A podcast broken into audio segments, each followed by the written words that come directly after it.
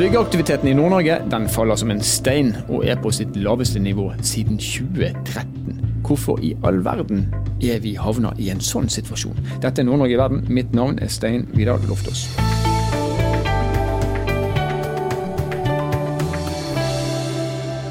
Høye byggekostnader og pandemien, som vi trekker fram nærmest hver eneste gang noe går galt, har bremsa boligbyggingen i Norge men bare lite grann. I fjor falt den på landsbasis med 1,2% men den faller mye mer i nord. Og i 18 av landsdelens 80 kommuner så var det altså ingen boligbygging overhodet i fjor. Og En av disse kommunene var Andøy kommune i Nordland, og der har det faktisk ikke vært igangsatt bygging av nye boliger siden 2019. Og Nå er vi med oss ordføreren i nettopp Andøy kommune, Knut Normo. Hjertelig velkommen til Nord-Norge i verden, Knut. Takk skal du ha. Du, ingen boliger bygd i din kommune siden 2019. Hva i all verden skyldes det? Ja, det tror jeg er vel ganske sammensatt og mange, mange årsaker til det. da. Det ene er vel at uh, vilkårene og, og, tingene rundt uh, dette med boligbygging generelt i Distrikts-Norge er vel ikke så mye annerledes i andre kommuner som i andre distrikts, mellomstore eh, distriktskommuner i, i Norge, og spesielt i Nord-Norge. Men, eh, men, vi har jo en, en, ekstraordinær situasjon i og med at vi er jo en kommune som, som ja, har vært ramma av, av, en del store endringer. Ja, det har jo noe med, med, forsvarspolitikk å gjøre. og Det er klart det er en kommune som har vært i stor omstilling. og ja, Vi har hatt en stor fraflytting i en periode nå eh, etter det her eh, stortingsvedtak, som, som, også er med og bidrar til tingene. Men, men eh, ja. Men er utviklingen er det et lokalt ansvar? Eller trenger distriktskommuner som dere da, nasjonale virkemidler eh, for å få flere til å, til å bygge og bo? Ja, så Jeg tenker jo at det, det må være noen, noen overordna nasjonale insentiver. Så det er klart Vi som kommune kan jo både gjennom en sånn boligpolitisk plan og og gjennom ellers eh, den samfunnsplanen og, og, og, ellers det planverket som kommunen har, kan jo være med å legge til rette for ting. Eh, selvfølgelig. Men de her store, viktige, overordna insentivene for å stimulere til boligbygging, de må komme over nasjonale ting. Det har noe med både med skattepolitikk å gjøre, det har med andre insentiver som låneordningen som tillates, og, det har med finanspolitikk å gjøre, og økonomisk politikk å gjøre. Så det, det må være noen sånne overordnede nasjonale føringer. Nasjonale insentiver, og du, du nevner noen av dem. Men hva, hva, tenker du er de viktigste tiltakene man må, man må sette inn? Ja, så i, i, noen deler av landet, og det er spesielt eh, ja, i, i sentrene, eh, om, om, det er små eller mellomstore eller store sentrum, så, så er det en egen dynamikk i tingene. Eh, og, og, og der skjer tingene eh, sånn sett mer eller mindre av seg sjøl. Men det er klart at der som ressursene er, og der, der eh, ting skjer som er grunnlaget for mye verdiskaping i Norges land, skal du få folk til å bygge der og bo der, så må man legge til rette med politikk som legger til rette for det. Og det er klart at uh, I Distrikts-Norge og utenfor i, i, periferien så er jo kanskje tomtekostnaden den er jo rimeligere enn i mer sentrale om, områder av landet. Men på andre sida så koster det ikke noe mindre, heller mer, med å føre opp en bolig uh, i Distrikts-Norge pga. Uh, kostnader med frakt og masse sånne ting som gjør at Altså Sluttsummen, om du bygger i mer sentrale strøk eller i, i um, mer rurale områder, så, så, så er kostnadene stort sett den samme. Men den store forskjellen det er det at når du har slått den siste spikeren eller skrua den siste skruen inn i et byggeprosjekt i et sentralt uh, strøk av landet, så kan du jo i beste fall så kan det jo hende at med samme du vrir om nøkkelen, så gjør verdien i boligen et hopp oppover. Mens i Distrikts-Norge der er sånn at Når den siste skruen eller du vrir om nøkkelen i det bygget, der, så har du et verditap som sier at det, det koster kanskje 5 eh, millioner å bygge det. Og da, den markedsverdien er kanskje ikke mer enn 2,5. Og Der kommer jo utlånsforskriften, boliglånsforskriften inn i bildet også. For faktum er jo at med det bildet du tegner, så får man jo faktisk heller ikke lån til å bygge en slik bolig som du skisserer. Selvfølgelig ikke. For, for lånene er jo, er jo knytta opp imot pantesikkerhet.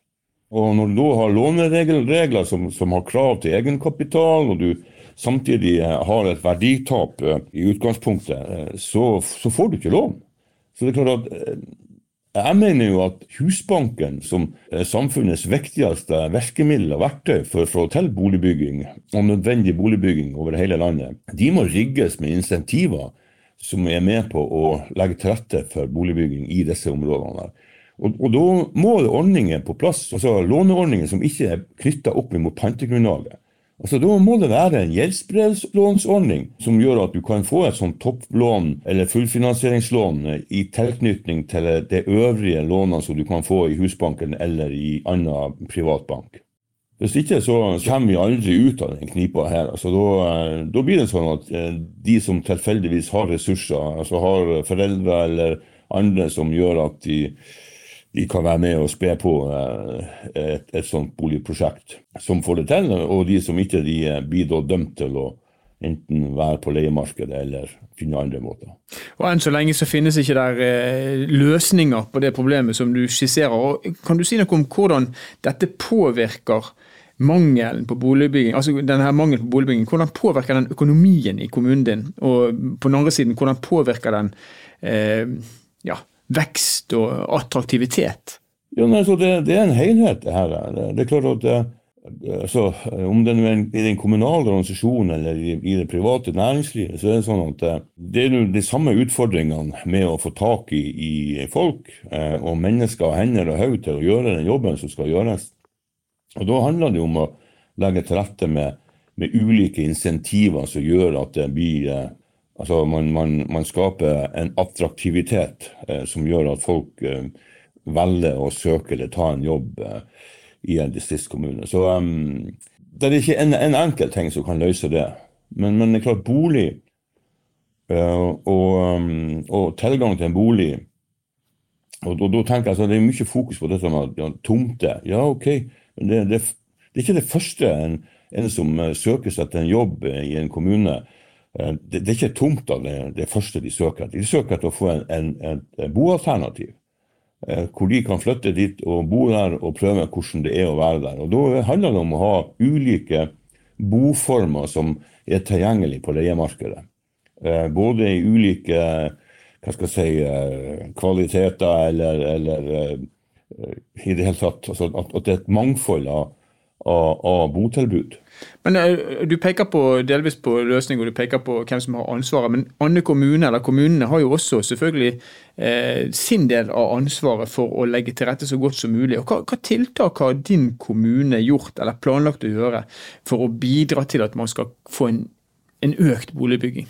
Altså, Kommunen som sådan eh, kan jo ikke løse dette alene. Dette må man jo løse i fellesskap med, med både de som, som har behov for bolig, og med utbyggere eh, eller investorer som, som har muligheter for å, å, være med og finansiere eller utvikle boligprosjekter med ulike boformer. Eh, så det er noe vi prøver på. Så får vi jo se om vi lykkes med det. Det er ikke bygd boliger i Andøy eh, siden 2019, i likhet med mange andre nordnorske kommuner. Og pilene, hvis, vi, hvis jeg kan få lov til å si det, pilene ser jo ikke ut til å peke oppover. Hvordan ser du på den nære fremtiden, altså på årene som kommer. Tror du at den utviklingen som vi nå har sett over tid, kommer til å snu? Skal selvfølgelig Med fare for at man drar politikken i dette, så tror jeg at eh, med det politiske med regimet som vi har i dag, så er det en større sjanse for at man får til en boligsosial innretning på, på tingene som kan stimulere til økt boligbygging i de rurale delene av landet spesielt. Jeg har jo trua på at det vil komme noen insentiver som gjør at man vil stimulere til økt eh, boligetableringer i Distrikts-Norge. Vi får håpe du har rett, bare fremtiden vil vise det. Tusen takk for at du kunne være med oss, Knut Normo, som da altså er ordfører i Andøy kommune. Skulle bare mangle. Takk for praten. Og Lavere byggeaktivitet det rammer selvfølgelig også byggenæringen sjøl. Og sentralt iblant disse er Boligprodusentenes forening. Interesseorganisasjonenes 800 medarbeidere Ja, De står for byggingen av over halvparten av alle nye boliger i landet. Men siden sommeren 2021 så har pilene også her pekt nedover. Og Nå har vi med oss eh, administrerende direktør i nettopp Boligprodusentenes forening, Lars Jakob Him. Og velkommen til oss, Lars Jakob. Takk skal du ha. I midten av april så la du frem tall som viser at nedgangen i salg og igangsetting av nye boliger, den bare fortsetter. Hvor alvorlig ser dere på denne situasjonen? Nei, nå er det svært alvorlig. Vi eh, har registrert eh, et eh, første kvartal på nyboligmarkedet som er det svakeste vi har registrert siden vi begynte med disse målingene i 1999. Så vi må nok antageligvis tilbake til slutten av 80-tallet og tidlig 90-tall for å se tilsvarende dårlige tall. Så dette er, dette er krevende. Ja, Det høres dramatisk ut, men hva tror du er hovedårsaken til at det er sånn? Nei, dette er veldig mange samvirkende årsaker. Eh, det kalles jo gjerne en perfekt storm. Eh, det er eh, store internasjonale trender som treffer oss hardt, med både ettervirkninger av korona, med krig i Ukraina og forstyrrede forsyningslinjer og høye energipriser som har ført til for det første renteøkningene i Norge, som treffer vårt marked dobbelt. Både kundene våre, som får dyrere boliglån, og også finansieringen som vi må ha for å bygge boligene. Så det er en dobbel, dobbel effekt på det. og I tillegg så har byggekostnadene gått opp mye de siste eh, halvannet året. Eh, nå har det stabilisert seg på et høyt nivå, men eh, det er ikke noe som tyder på at det skal ned igjen med det første. og Det gjør jo at eh, det er dyrt å bygge nye boliger. Og når da i tillegg de fleste opplever at de har en litt mer eh, usikkerhet rundt sin egen økonomi, de merker at matvarepriser og andre ting blir dyrere, så setter kundene seg på gjerdet og tør ikke å investere, selv om man kanskje egentlig har råd og egentlig har behov for en ny bolig, så, så velger man å ikke gjøre det nå. Mm. Både konkrete årsaker og psykologi spiller inn, men er det noen konkrete tiltak du mener eh, vi bør innføre for å både forbedre boligforsyningen og for å ja, stimulere boligmarkedet? Helt overordnet så er jo dette med å få kontroll på den økonomiske situasjonen, få inflasjonen ned og eh, ikke behøve å sette opp renta mer, det, det er det aller viktigste. Men det er selvfølgelig en krevende og stor, stor, jobb. I tillegg så må man uh, sørge for fra myndighetenes side at det i hvert fall er et minimum av boligforsyning, og da må man bruke virkemidler som Husbanken Eh, som har både ordninger for, for, kundene, men også for utbyggere. Og vi ser jo nå at de ordningene som Husbanken har for såkalt boligkvalitet, altså at man bygger eh, med grønne løsninger eller livsløpsstandard, de brukes nå i betydelig større grad enn de gjorde bare for et år siden. Eh, og det er jo en fare for at de midlene som Husbanken har, kan gå tomt før sommeren, eller i hvert fall i løpet av året, og det, det må fylles på. Sånn at man i hvert fall har de, de, virkemidlene. I tillegg så kan man jo også forbedre virkemidlene ved at eh, du får enda bedre ordninger for kundene, og også ser om man kan ta risikoavlastning for, for utbyggere i en periode som, som gjør at du kan få frem mer boligbygging. Og så er det sånn at eh, plan og bygg er alltid viktig. Det er en eh, flaskehals for boligbygging. Det tar for lang tid, det er for kostnadsdrivende og det er for uforutsigbart å få gjennom planer for, for bygging av nye boliger. Og her kan kommunene sette seg ned med de lokale utbyggerne gå gjennom de planene som er, og se om de er byggbare. Og også få fortgang på de planene som er i pipeline, så man i hvert fall har tilgjengelige områder å bygge ut når både nå og ikke minst når dette snur, sånn at det ikke blir et for stort press i boligmarkedet og vi får en veldig høy prisstigning ut av dette. Du peker på Husbanken, du nevner kommunene. Men hva, hva er den, sett fra din side, hva er den største flaskehalsen?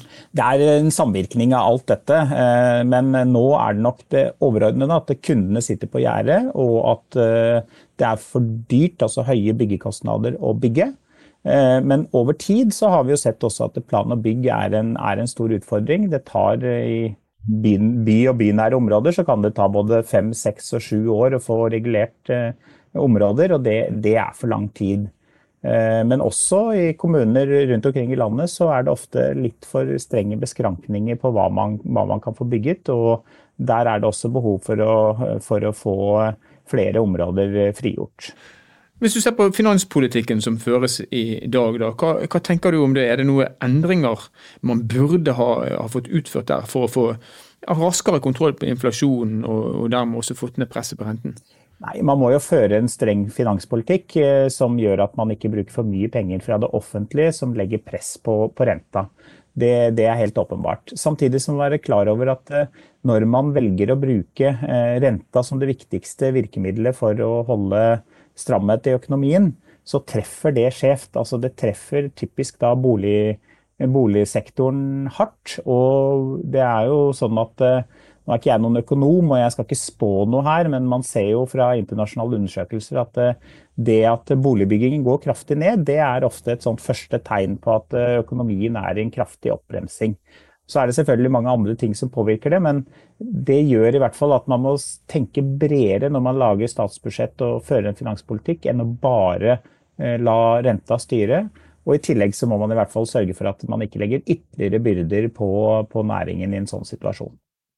Du representerer altså Boligprodusentenes forening, som jeg alt har nevnt. og Med ca. 800 medlemsbedrifter så står dere altså for halvparten av alle nye boliger som bygges i landet.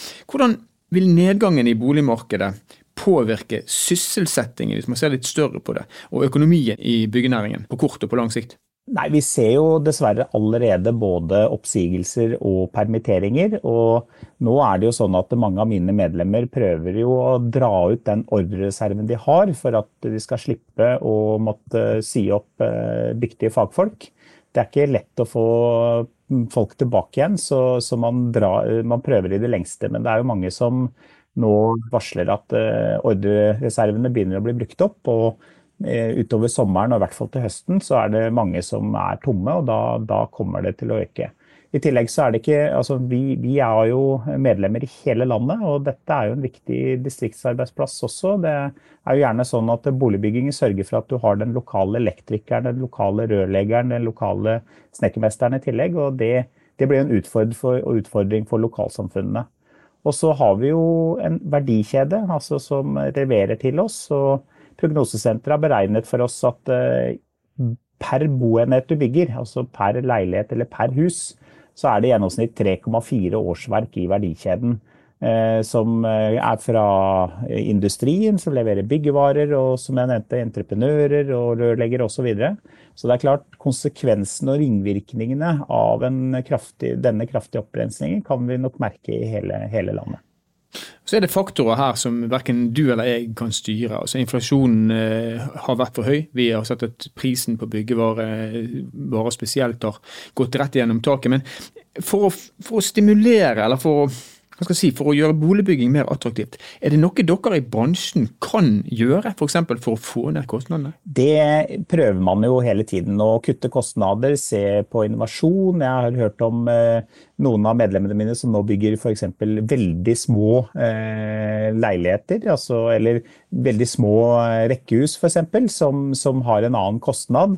Så det er jo selvfølgelig behov for å innovere og, og gjøre, eh, gjøre nye, nye, ting. Og så ser jeg jo en del som vrir seg over mot, eh, mot eh, oppussingsmarkedet.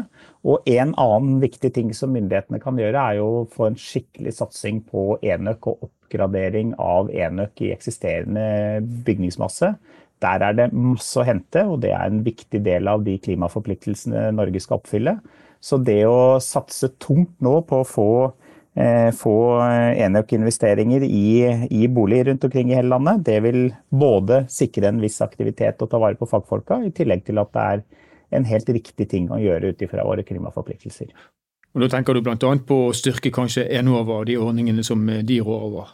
Enova, og eventuelt ser man også kan bruke Husbanken til å formidle øh, ordninger som stimulerer folk til å investere i enkle eh, etterisolering, nye vinduer, varmepumper og den typen ting som, som vil få opp eh, bygningskvaliteten. Få strømregningene ned, og eh, at vi, vi, leverer på de tingene som er viktige opp mot uh, våre klimaforpliktelser. Da får vi kanskje også bukt med en uh, stadig stigende energikrise. Det ville vært bra om man kunne oppnådd flere ting på en gang. Men hvis du skal se inn i spåkulen helt til slutt, Lars Jakob. Hvordan ser du for deg at boligmarkedet i Norge kommer til å utvikle seg i ja, de nærmeste årene? Dette er jo et marked som svinger veldig mye. og Det er jo selvfølgelig litt av utfordringen for næringen at det svinger så mye. Men vi ser jo nå at vi ligger i boligforsyning Eh, hvis vi tar salgstallene våre, så ligger vi 12 000 under det som er beregnet behov et år.